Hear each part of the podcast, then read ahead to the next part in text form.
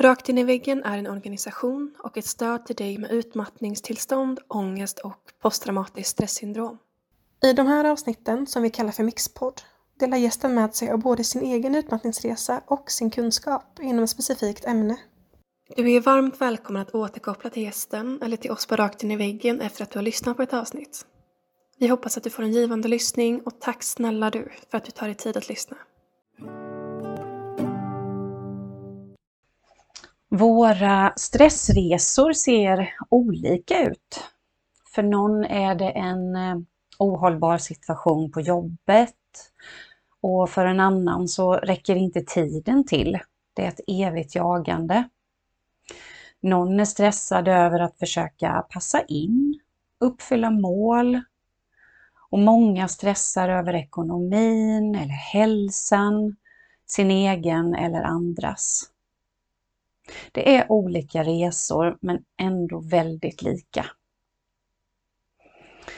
För mig var det inte en isolerad händelse eller situation som fick mig att bli sjuk av stress. Det var kanske det som fick mig att tippa men resan dit började långt tidigare. Hej! Jag heter Mia Ahlqvist och jag har fått äran att gästa det här avsnittet. Jag är 49 år. Jag bor i Habo eh, utanför Jönköping med min familj. Jag har varit och är fortfarande utmattad eh, för jag ser det som en pågående uppmärksamhet. Och jag har valt att kalla det här avsnittet som att trampa vatten. För det är just den känslan som att trampa vatten som eh, kan beskriva tillståndet som till slut fick mig att, ja, vad säger man? Tippa, gå in i väggen, krascha, bryta ihop det var väl inte så definitivt och abrupt för just mig. Det var mer som en eh, utdragen process. Som ett eh, långdistanslopp utan vätskepaus och utan hållbart upplägg. Eller ett Ironman-lopp där jag i simmomentet inte längre kom framåt utan mest trampade vatten och försökte hålla näsan över vattenytan.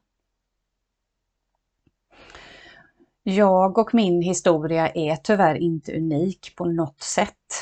Eh, vi är alldeles för många som går igenom samma sak, vilket blir väldigt tydligt eh, när jag har lyssnat på många avsnitt här i Rakt in i väggen-podden. Och det slår mig att vad ska jag tillägga och vad kan jag tillföra?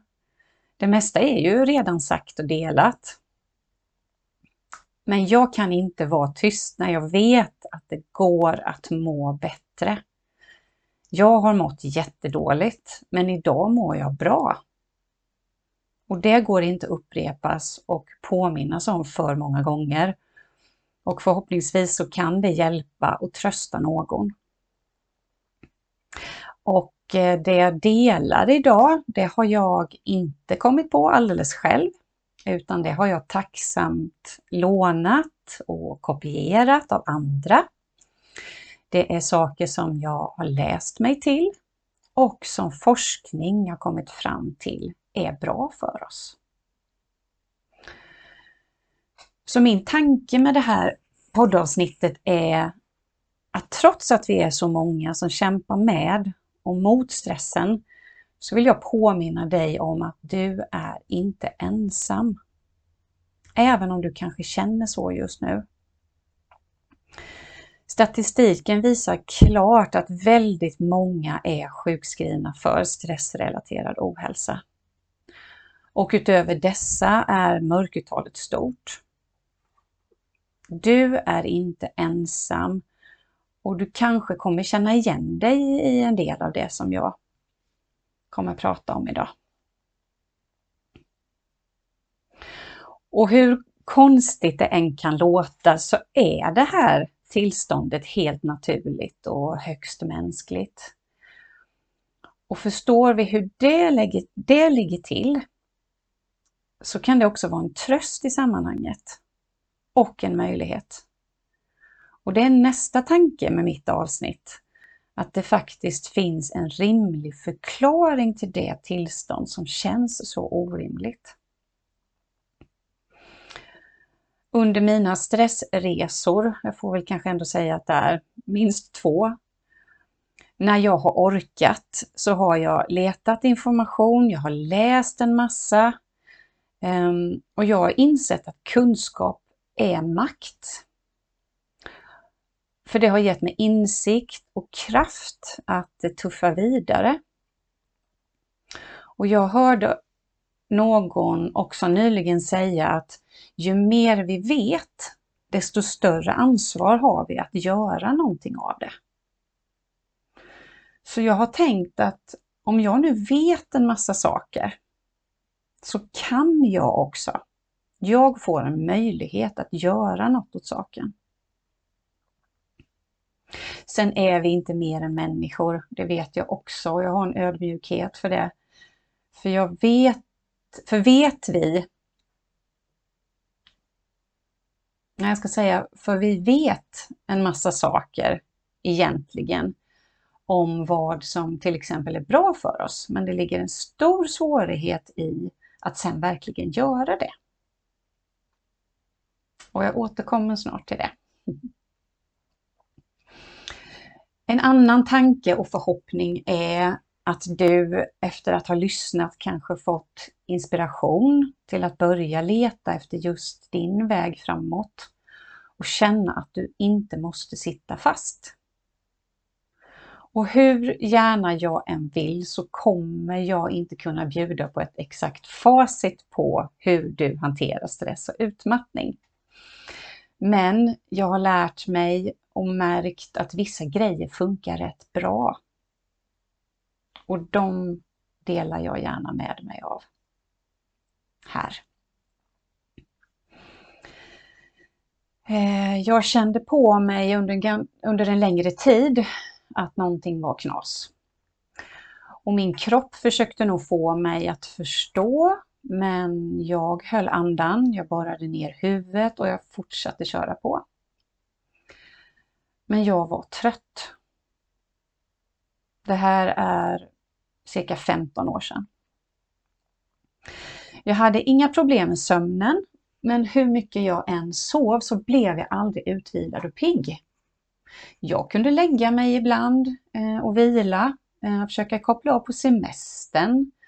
Men den där känslan att jaha, här ligger jag och latar mig och nej, här blir det inte mycket gjort, gjorde ju att vilan fick ju inte någon större effekt. Jag gick också ner i vikt. Jag har som oftast en mycket god aptit. Jag tycker om det mesta både sött och salt eh, och äter ofta och gärna. Men ändå tappade jag här en massa kilo. Och då blev jag ju ännu mer trött och orkeslös. Jag var ledsen. Jag hade inget tålamod. Humörsvängningar. Någonting som tyvärr gick ut över mina närmaste, min familj. Och så spände det på det dåliga samvetet som redan fanns där över att jag inte riktigt orkade och kunde. Eh,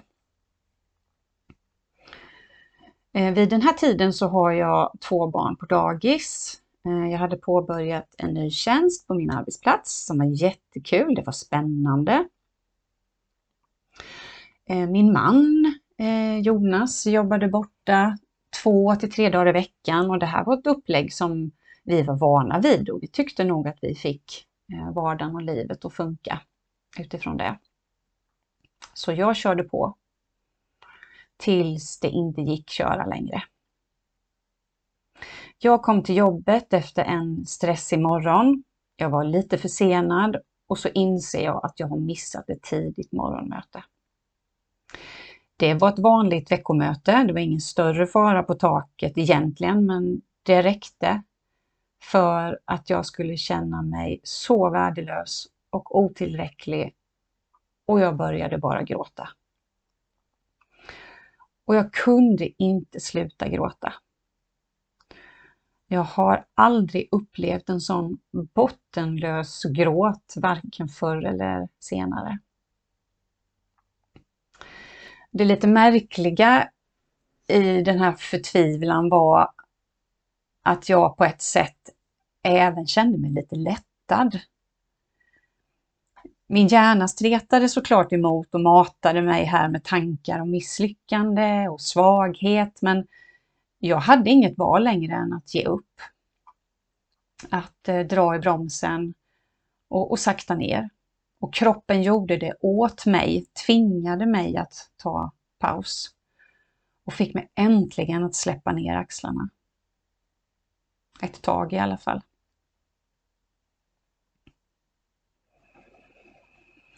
Som tur var när det här hände så befann jag mig på en plats där jag hade fantastiskt fina kollegor som kramade om, som satt med mig och klappade och, och eh, lät, lät gråten komma. Men jag kände mig väldigt omhändertagen trots att jag där i den stunden kraschade.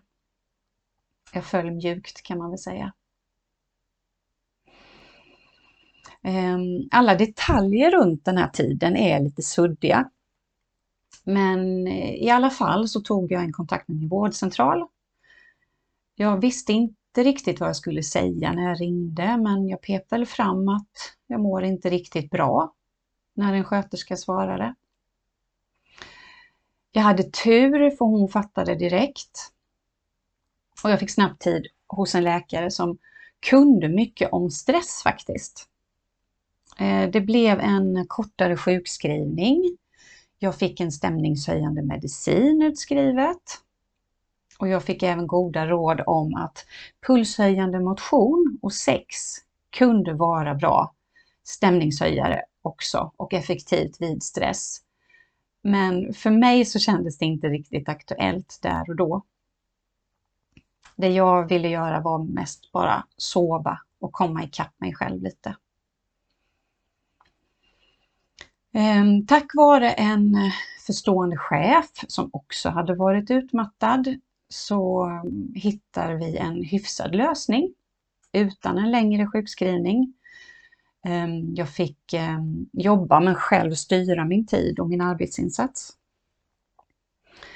Uppföljningen var väl kanske sisådär, både från vården och arbetsgivaren kan jag se så här i efterhand.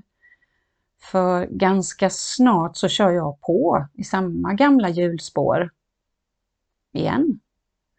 Men nu med en antidepressiv medicin istället. Som jag trodde var lösningen. Jag visste ju inget annat.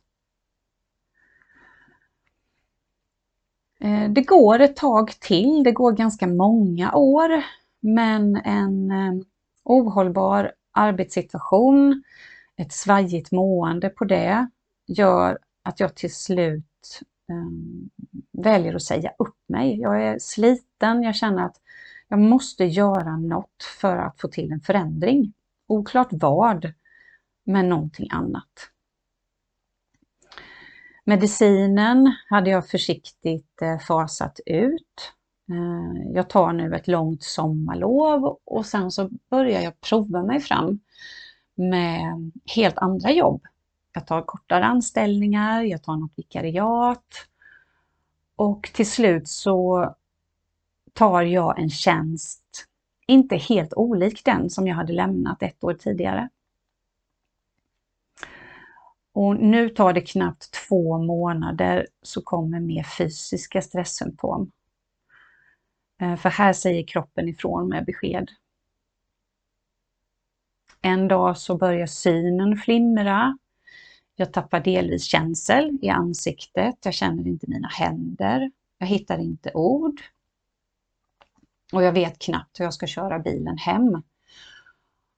Och såklart blir jag jätterädd. Jag förstår någonstans att det är stressrelaterat men förstår ändå inte riktigt vad som händer med mig. Eh, den här gången så bollas jag mellan företagshälsovård och vårdcentral. Jag känner ingen särskild empati eller vilja från något håll att hjälpa mig. Jag känner mig mest bara besvärlig och ohörd. Och i den här frustrationen så byter jag vårdcentral för att försöka få hjälp. Och till slut, tur i oturen, så båda terapigrupperna för stressrelaterad ohälsa är fulla. Så istället så blir jag erbjuden att få prata med en eh, arbetsterapeut.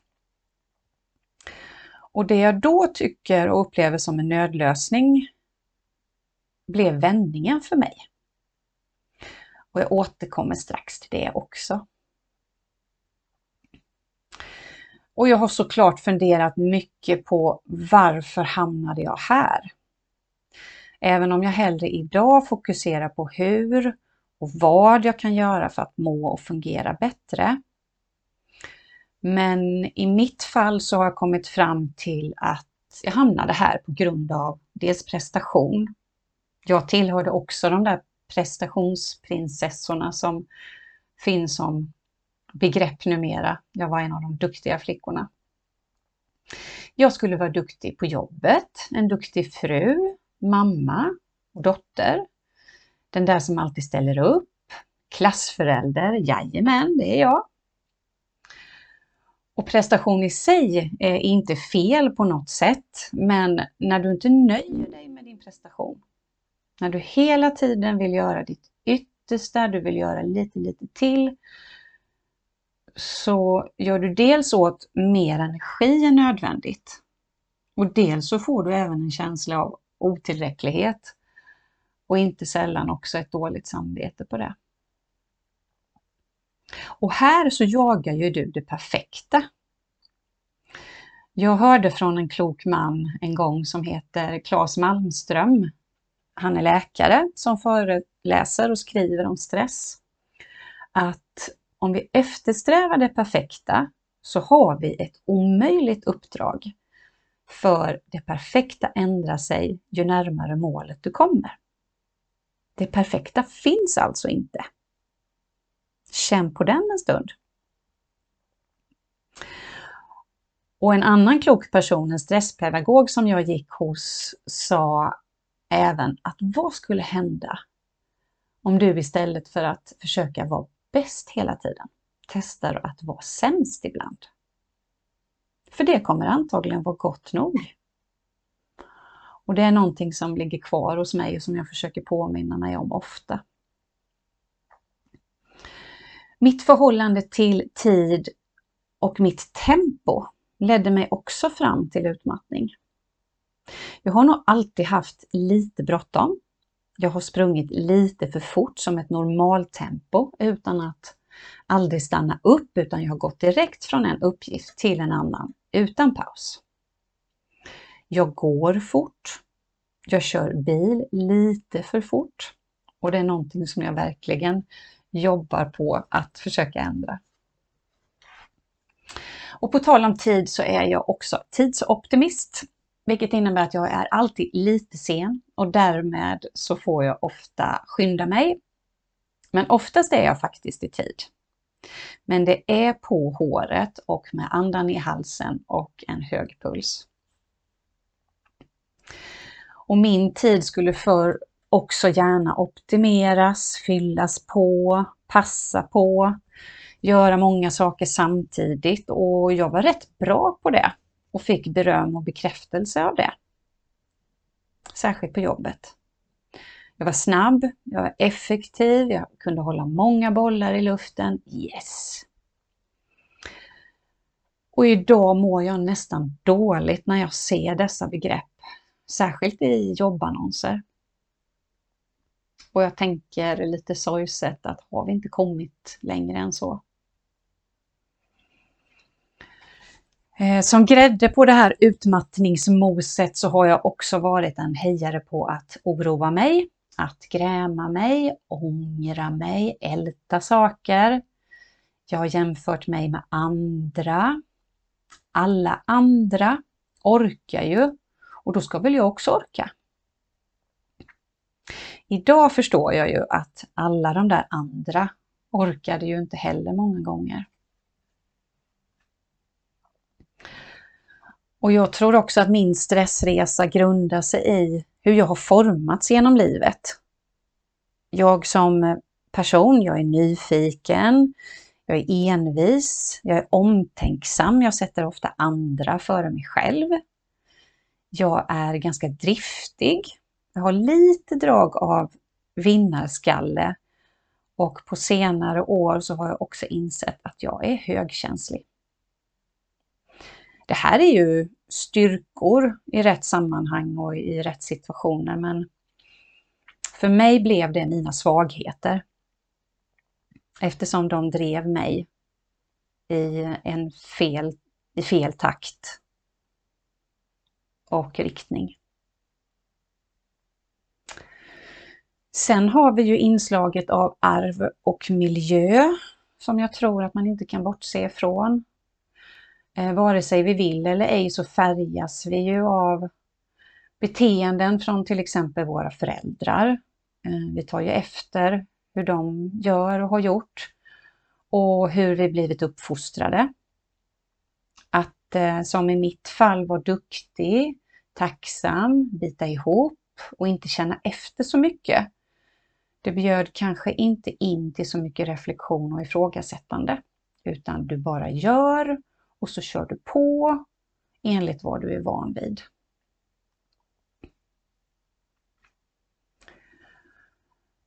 Under en lång tid så har jag också försökt att skylla min utmattning på annat eh, och på andra. Jag har beskyllt mig själv. Eh, det var arbetsgivarens fel, det var vårdens fel som inte kunde hjälpa mig och vad dum jag var som lät detta hända. Min uppväxt fick sig också en släng. Men vems fel är det egentligen att vi är så många som stressar oss sjuka idag? Någon skulle säga samhället och de krav som ställs därifrån. Att det kanske är en fråga om kön, om jämställdhet. Att kvinnor har eller tar mer ansvar och dubbelarbetar. Vi har sociala medier och massmedia. Många är vi i alla fall. Och vi finns numera i alla åldrar, tyvärr allt fler yngre som känner sig stressade. Vi finns i många fler och olika yrkesgrupper. Och vi är både tjejer och killar. Och vems är egentligen ansvaret att hjälpa, att förebygga, att rehabilitera? Blir det inte samhällets ansvar att hjälpa eftersom stress nu ses som en folksjukdom? Ehm, eller är det kanske arbetsgivaren eller vårdens ansvar? Ska man börja redan i skolan? Och vad säger vi om Försäkringskassan? Det är, många får jättefin stöttning och hjälp därifrån medan andra känner sig jagade och det spär ju också då på stressen. Inom många landsting eller regioner så finns det tydlig och god hjälp att få. Inom andra regioner så har man fortfarande långt kvar att gå. Och varför gör man inte samma insatser om det funkar bra på vissa håll? Jag har hört talas om de som har fått fin hjälp ifrån stressmottagningar. Men när jag själv har letat och jag har googlat stressmottagning så verkar det mest bara finnas i storstadsområdena. Ja, det här är stora frågor jag vet och jag har inte kommit fram till några svar. Och vem är ens samhället egentligen? Men eh, i det här sammanhanget så vill jag ändå passa på att tacka personer och organisationer eh, bakom många fina initiativ inom stresshantering. Den här podden är en. Ett stort tack till er, ni är en jätteviktig plattform. Och jag vill också nämna bland annat eh, livsstilsverktyget, Vägra väggen, Utmattningshjälpen, Eh, de stress och utmattningsforskare som är verksamma på bland annat Instagram, Hjärnfonden, Sunt arbetsliv, tidningen Chef, som på olika sätt arbetar aktivt för att motverka stressrelaterad ohälsa. Sen har vi ni som jobbar som coacher, föreläsare, rådgivare, stresspedagoger som jag själv, som i egen regi kämpar och försöker sprida information och hjälpa andra. Drömmen vore bara om all den tid och energi som ni lagt ner kunde läggas i samma korg och hjälpa fler på riksnivå.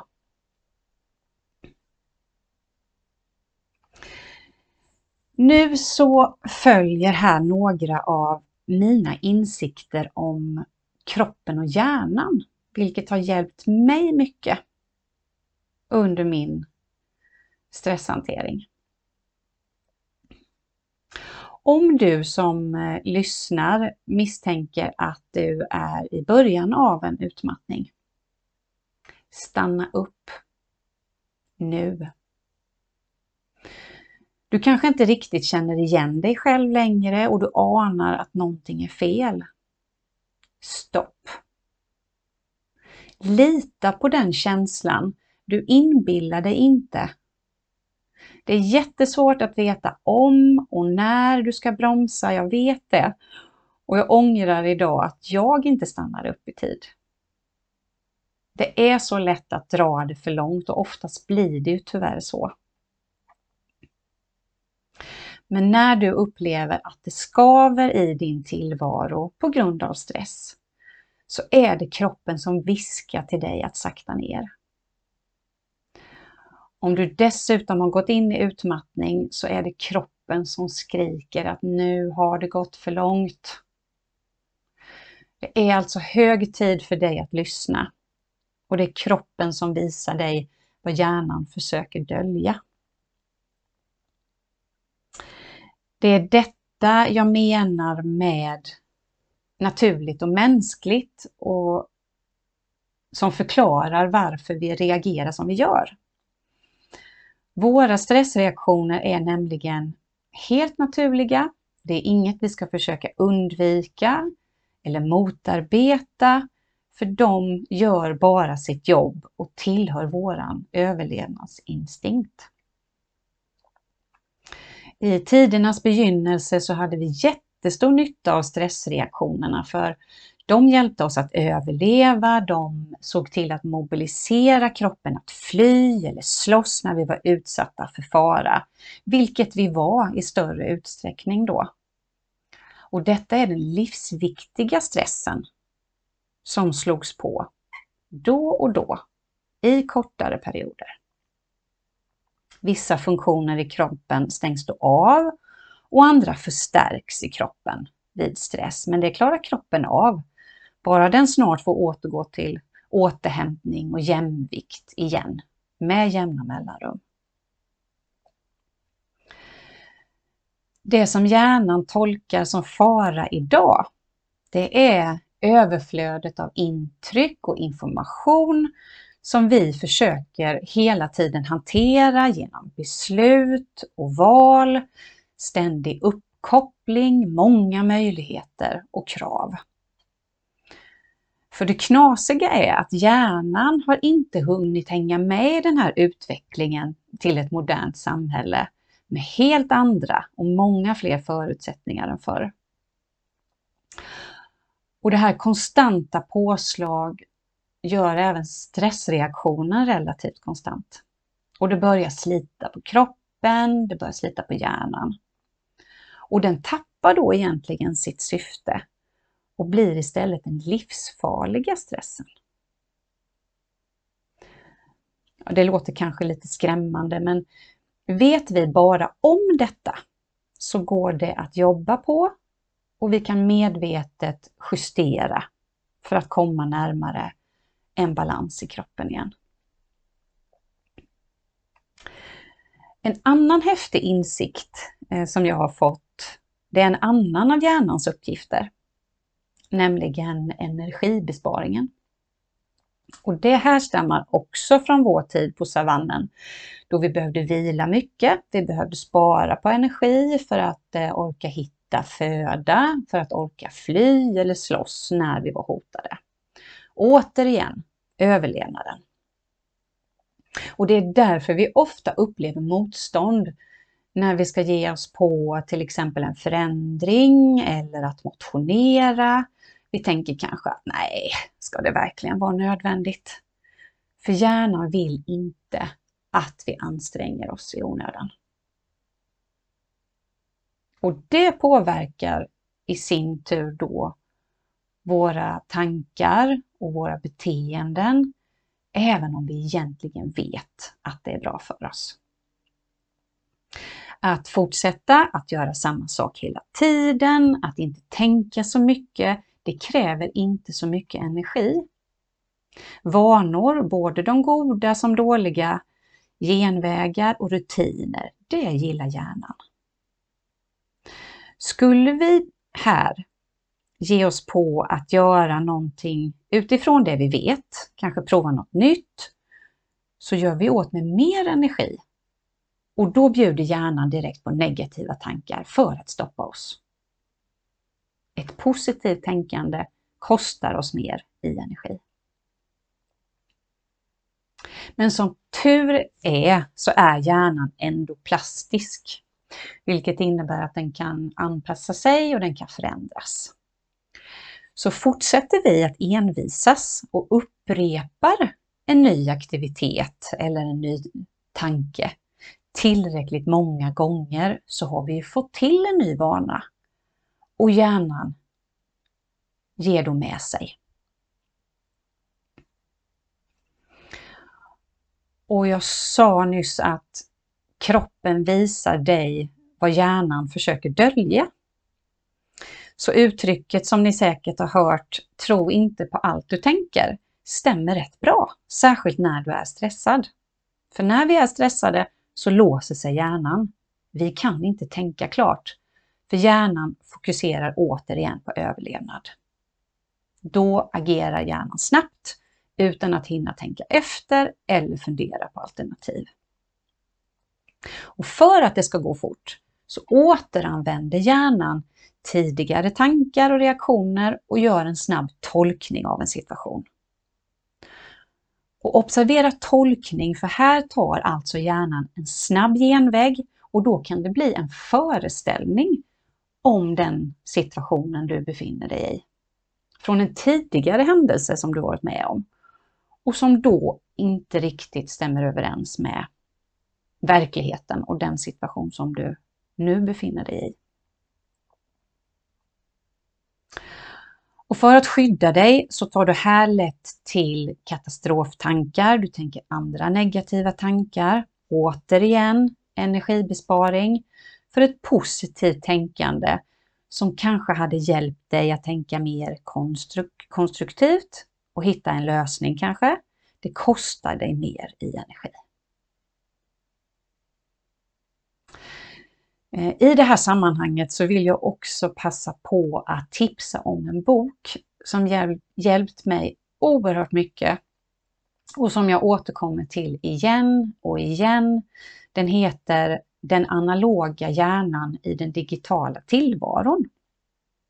Skriven av Anna Tibelius Bodin. Och jag följer henne också på Instagram och jag tycker hon är en väldigt klok person som eh, kommer med väldigt eh, tänkvärda eh, sägningar eh, och ger bra förklaring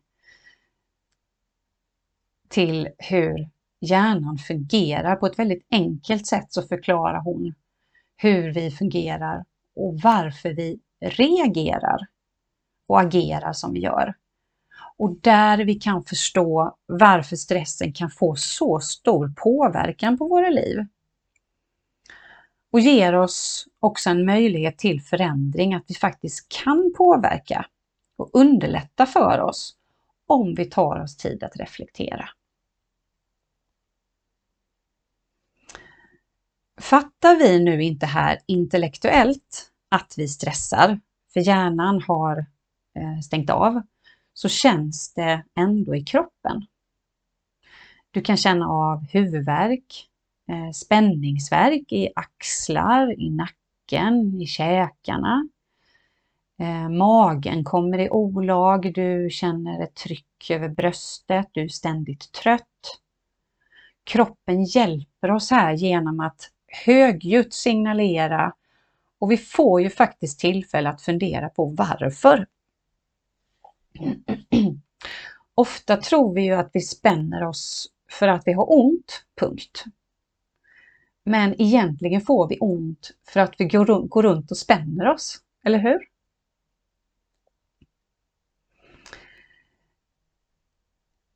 Min arbetsterapeut som jag nämnde nyss, hon lärde mig reflektion och det blev en, som jag sa innan, en vändning och en aha-upplevelse. Av henne så fick jag enkla men effektiva övningar för att eh, se över min vardag.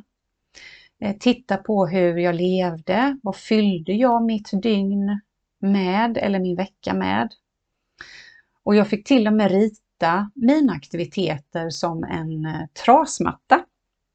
Där varje trasa eller rand i mattan var en aktivitet. Och jag såg att det blev en alldeles för lång matta jämfört med hur mycket tid jag hade. Eh, en mycket tydlig och insiktsfull övning. Och där såg jag också klart hur mycket återhämtning, eller kanske hur lite återhämtning, som ingick i min tid. Så hon fick mig att börja reflektera, att fundera på hur jag ville ha det istället. Och det blev nyckeln för mig. Att fundera över och formulera mål och framförallt sätta mindre delmål, ett i taget, i syfte att hitta en ny och mer hållbar riktning. För jag var inte tvunget att komma fram till det där målet, men klura på strategier, försöka se nya vanor för att hantera bland annat stressiga situationer. Och att inte gå i fällan och direkt tänka katastroftankar utan hinna stanna upp, försöka se en situation mer ovanifrån och förstå att jag har möjligheten att välja en annan tanke. Istället för att frysa och få panik över att nej, nu är flera kollegor sjuka en dag, så kunde jag välja att tänka okej, okay, nu är vi kort om folk på jobbet igen, men jag gör så gott jag kan. Och ska jag orka idag så tar jag en sak i taget. För mig var detta en stor lättnad och det ingav ja, men hopp och förtröstan för jag kände att jag själv faktiskt hade möjligheten att ta, att ta kontrollen. Jag var inte fast.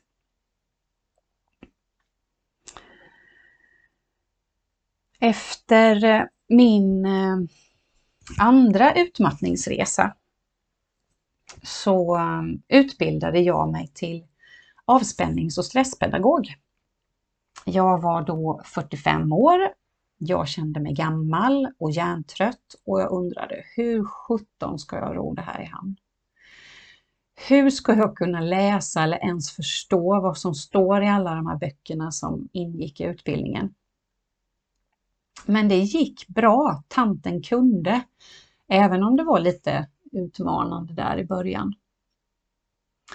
Men jag hade kul och det var så intressant. Jag lärde mig massor, jag fick många nya insikter och insåg efter utbildningen att det här vill jag förmedla även till andra. Så idag arbetar jag med eh, stresshantering i mitt egna företag. Och under utbildningen så lärde jag mig som sagt avspänning. Det är nästa aha-upplevelse. Jag trodde att jag var rätt så chill och avslappnad trots min utmattning som jag mest trodde satt i, hu som jag mest trodde satt i, eh, i huvudet. Men i de många praktiska övningar som vi fick göra så fick min kropp pö om pö ge efter och släppte garden. Jag kände att hela jag mjuknade och tårarna bara strilade flera gånger. Jag var så spänd i ansiktet, i mina axlar, i nacken och det hade blivit ett normaltillstånd som eh, jag inte såg eller förstod. Eh, förutom att de här avspänningsövningarna var riktigt sköna fysiskt så uppstod också en klarhet och det var så befriande på, på olika sätt. Och det häftigaste var nog den muskulära avspänningen där du först spänner dina olika kroppsdelar för att sen slappna av. Och den skillnaden blir så påtagligt tydlig. Det är som att du hör vad kroppen behöver samtidigt som du också får en bättre kontakt med ditt huvud. Och det är det som avspänning går ut på, att du får en bättre kroppskännedom och du får ett klarare tänk. Det här är någonting som du kanske kan känna igen eh, när du ska sova. Eh, och rätt som det är så kommer du ihåg var du la nycklarna som du har letat efter eller plötsligt så vet du hur du ska lösa det där på jobbet. I avspänningen eller i vila, i en paus, så ger du dig möjligheten att ladda om och återhämta dig. Sömnen har samma funktion. Det är ju där kroppen kan ladda energi och smälta alla intryck. Men vi behöver även de där mellanrummen regelbundet under dagen för att må och fungera bättre. Mina mellanrum är jätteviktiga för mig och jag försöker, jag lyckas inte jämt, lägga in pauser som promenader, en liggande avspänningsövning eller en tupplur. Jag kan ta en fuldans när ingen ser eller en andningsövning. Och jag märker ganska fort om jag inte har pausat. Det här är återhämtning och och eh, som vi alla säkert vet så är det nödvändigt. Och mitt tips det är att testa dig fram. Är du en person med mycket driv så kan tanken på till exempel yoga eller avspänning, det verkar omöjligt men ge det ett försök. Det kanske är just ett odriv som du, som, som du behöver. Är du en lugn men kanske orolig själ så kanske din återhämtning innehåller mer aktivitet och puls där dina hormoner kanske kan hjälpa dig att dämpa oron och stressen. Och prova att göra saker som du inte har gjort förut. Bara det bevisar ju för dig att förändring är möjlig. Och så gör sånt som känns bra och som du tycker om för då kommer återhämtningen naturligt. Det behöver inte vara svårare än så. Att eh, vistas i naturen är enligt forskning det mest effektiva sättet att stressreducera på. Och snurrar det för fort för mig så är det skogen jag går till. Och jag försöker komma ihåg att höja blicken backen, jag kollar in eh, himlen och trädtopparna. Jag andas några gånger och så låter jag mig förundras av lugnet och intrycken, de lugna intrycken som finns i skogen. Och här får jag rätt perspektiv på saker och ting. Och det händer faktiskt även att jag kramar tallar, jag knackar på barken för vad jag förstår så avger då träden ett skyddsämne som funkar bra även på våra celler. Det är lite häftigt. Och gillar du inte skogen så testa kanske att eh, vistas vid vatten istället. Det är superskönt. Och det häftiga är hur allt hänger ihop.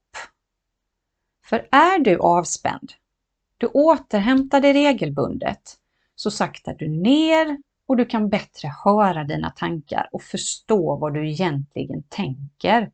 Du hinner reflektera. Och du får chans till val, kanske en förändring och fråga dig, vill jag fortsätta så här? Eller kan jag välja en annan väg? Nu håller jag som bäst på med en eh, annan fantastisk bok som heter Hela livet av eh, Anders Rosengren. Och jag fick låna den av en fin vän och en stresspedagogkollega. Och dels så bjuder han på små konkreta tips som under, underlättar vardagen. Och dels så ställs stora livsfrågor som vilken riktning och vilka värden vill jag ha i livet? Vad kommer jag på ålderns höst att se tillbaka på som viktigast i livet? Och han skriver också om att inspirera och stimulera människor istället för att, istället för att ordinera. För att hitta egna lösningar och nya goda vanor i vardagen. Någonting som har visat sig funka mer långsiktigt. Återigen, vi vet mycket, vi har tillgång till mycket information, men vi behöver reflektera och bli inspirerade för att även få det gjort i praktiken. Du vet ju till exempel att motion, det är bra för dig. Men för att träna behöver du motivation. Och vi behöver då fråga oss, varför ska jag träna? Du behöver hitta din egen inre motivation. För där får du långsiktigheten och syftet. Det kanske blir lättare att hitta rörelse om ditt syfte är att leva ett gott och hållbart liv. Du kanske inte kan identifiera, förlåt, du kanske inte kan identifiera dig som en motionär som ska uppfylla mål och jaga resultat. Och om någon annan uppmanar dig att träna så blir motivationen inte lika stark och det kan nästan bli tvärtom. Och I boken ges många fina argument eh, att motion är en effektiv stresslindring till exempel. För träning ger oss ett akut och kortvarigt stresspåslag som när den avtar kan dra med sig även den kroniska stressen. Situationer i vardagen som vi brukar uppleva väldigt stressande kan lättare hanteras om vi har chockat kroppen och utsatt den för fara med till exempel en joggingrunda. Och motion på lång sikt det fungerar också som näring för hjärnan, för den skyddar våra nervceller och nya celler kan till och med skapas.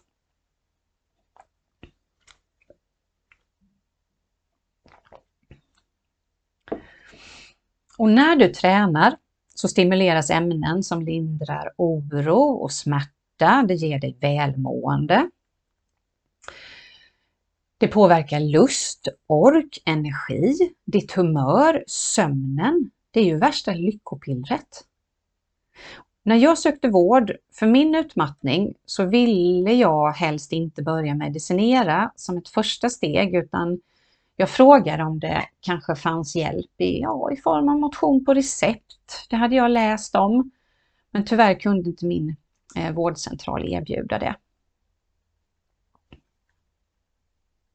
Och det kan faktiskt räcka med en kvart om dagen eller hitta smarta lösningar i vardagen som att gå i trappor, cykla, gå av bussen en station före, Sitter du vid ett tangentbord på, dag, eh, på dagarna så res dig upp och sätt dig igen på stolen några gånger, kanske 20, med jämna mellanrum.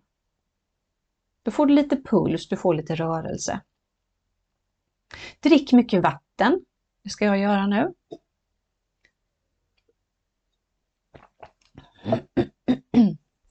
Drick mycket vatten så får du naturliga pauser i form av toalettbesök. Ja, men du fattar.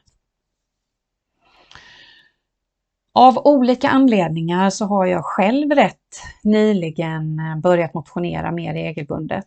då jag kom till insikt att jag ville inte bara bli stark och hålla mig frisk, utan även känna mig stark och frisk. Och det har blivit min inre motivation och gjort en stor skillnad för mig. Jag är absolut inte helt läkt eller färdig med min utmattning. Eh, jag tror inte att man blir det, utan man får dras med en del men och ärr. Jag kan inte sitta framför skärmar längre stunder, mina ögon hänger inte med. Jag kan inte koncentrera mig mentalt längre stunder. Jag tappar sammanhang, jag tappar ord och formuleringar. Jag försökte att göra det här poddavsnittet fritt från hjärtat med hjälp av endast stödord och jag önskar att jag hade kunnat det. Men det kan inte jag längre. Jag tappar tråden, jag tappar orden.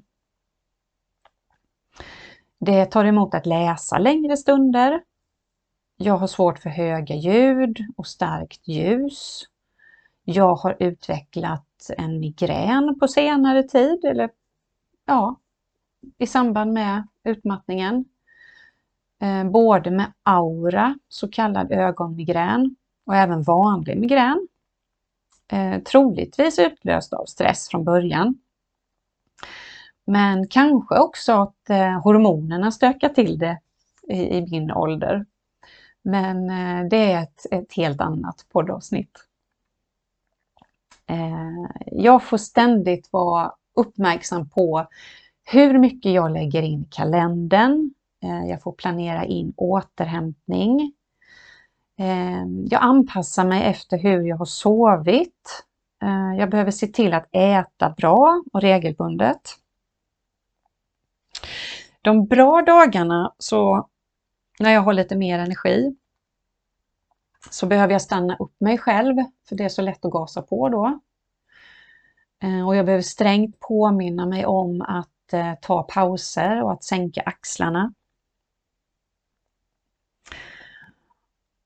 Och som många andra också säger så är jag ändå, trots allt elände med utmattningen, så är jag tacksam över vad jag är idag. Och jag vill inte köra på så som jag gjorde tidigare, för jag missade så himla mycket på vägen.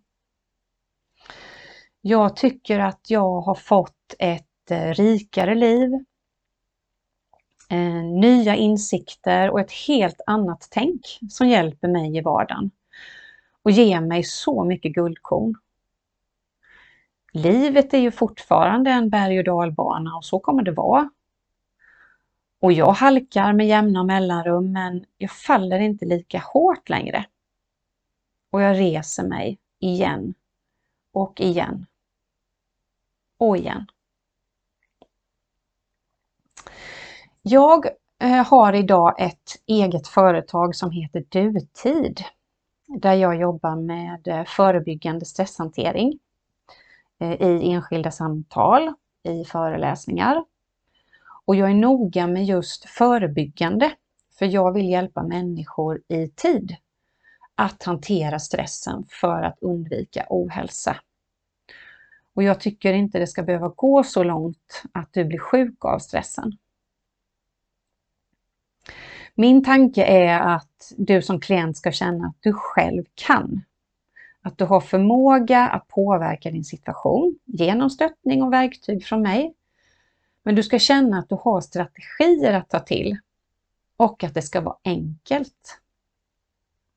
Därmed inte sagt att det är lätt och att det går fort. Men du ska känna att det är möjligt och görligt. Eh, vill du veta mer om mig och min verksamhet så finns jag på dutid.se, både på Instagram och eh, som hemsida. Eh, jag tänkte runda av eh, och jag avslutar med att jag förstår och respekterar att vi har olika möjligheter och förutsättningar. Vi befinner oss i olika faser i livet orken, motivationen kanske inte riktigt finns där. Men det jag vill skicka med dig är att våga stanna upp och kika inåt. Fråga dig hur du har det och hur vill du ha det? Och försök göra val som gynnar dig själv. Var snäll mot dig själv och se att du kan. Och med små, små steg och ett steg i taget så kanske du kan prova dig fram till någonting mer behagligt. Eh, tack för att du har lyssnat. Och tack för mig. Vill du också medverka i Rakt in i väggens podcast? Besök i så fall vår hemsida för mer information på www.raktiniveggen.se medverkan. Om du vill tipsa oss om en poddgäst eller om du har en fråga eller synpunkt på det vi gör så kan du alltid mejla oss på info raktinivaggen.se för att få svar.